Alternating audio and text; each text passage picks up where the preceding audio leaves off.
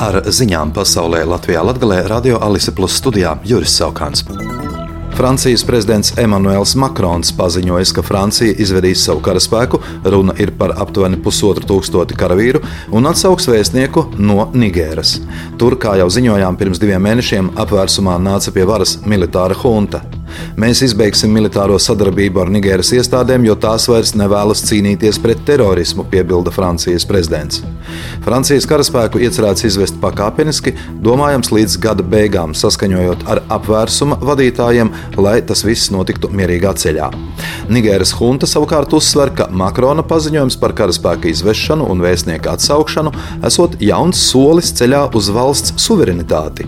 Pēdējos gados pēc apvērsumiem Nigēras kaimiņu valstīs Malī un Burkina Faso Francijai nācās izvest savus karavīrus arī no šīm valstīm. Kalnu Karabahu pametuši un uz Armēniju devušies tūkstošiem armēņu.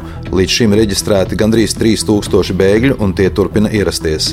Aptuveni 1100 cilvēkus valdība nodrošinājusi ar pagaidu pajumti, aptuveni 1000 bēgļiem pašiem izdevies atrast sev apmešanās vietu. Pēc tam, kad pagājušajā nedēļā Azerbaidžāna militārā operācijā pārņēma Kalnu Karabahu savā kontrolē, to pamet armēņi, kas baidās par savu nākotni.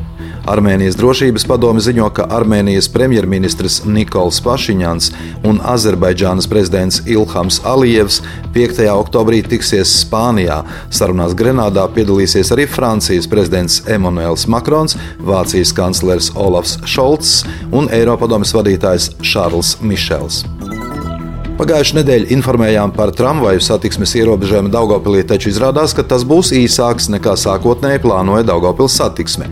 Šodien Daugopils domas pilsētas saimniecības un attīstības komiteja un akciju sabiedrības Daugopils satiksme vadība ārkārtas sēdē vēlreiz skatīja šo jautājumu.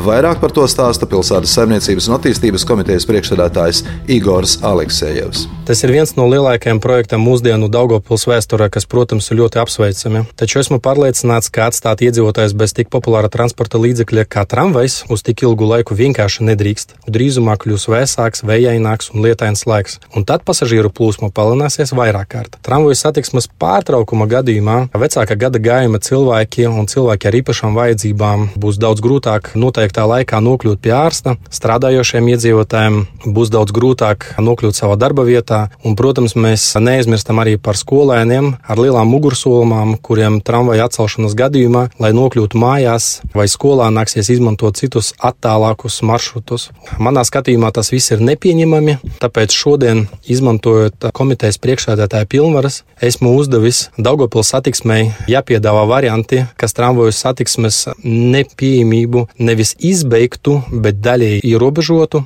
tramvaju satiksmes ierobežojumu laikā ievies 97. autobusa reisu, kas gandrīz 100% aizstās tramvaja maršrutus un tramvaja reisu Tā kā tiks ieviesti jauni autobusu maršruti kopā ar Daugopils autobusu parku atrast risinājumu autobusu vadītāju iztrūkuma gadījumā un iztrūkuma jautājumos, Daugopils satiksmē kopā ar transportu komisiju izvērtēt visas pasažieru pārvadājumu nianses, lai nodrošinātu iedzīvotājiem pēc iespējas labāku transporta pakalpojumu, un Daugopils satiksmē ir jāsagatavo iedzīvotājiem visprecīzāku un detalizētāko informāciju par autobusu maršrutiem, par kursējošiem laikiem, par alternatīviem alternatīviem pārvadājumu periodiem un par to, kad satiksmes izmaiņas stāsies spēkā. Tā kā uzdevumi ir daudz, tad uh, tramvaju satiksmes pārtraukšana no 27. septembra, kā tika izziņots iepriekš, nebūs. Ierobežojumi tiks ieviesti, kad būs skaidrs rīcības plāns, un mūsu mērķis ir, lai ierobežojumi ir mazāk nekā līdz gada beigām.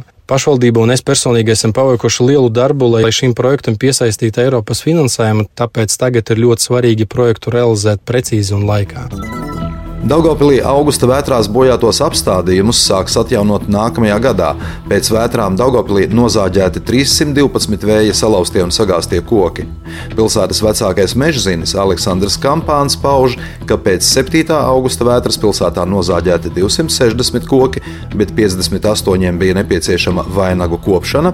30. augusta negaisa rezultātā nozāģēti vēl 52 koki un 9 veikta vainagu kopšana. Ar ziņām studijā bija Juris Saukāns. Projekta Ziņas bez robežām pasaulē Latvijā Latgalē ietvaros. Šo ziņu izlaidumu finansē Mediju atbalsta fonds.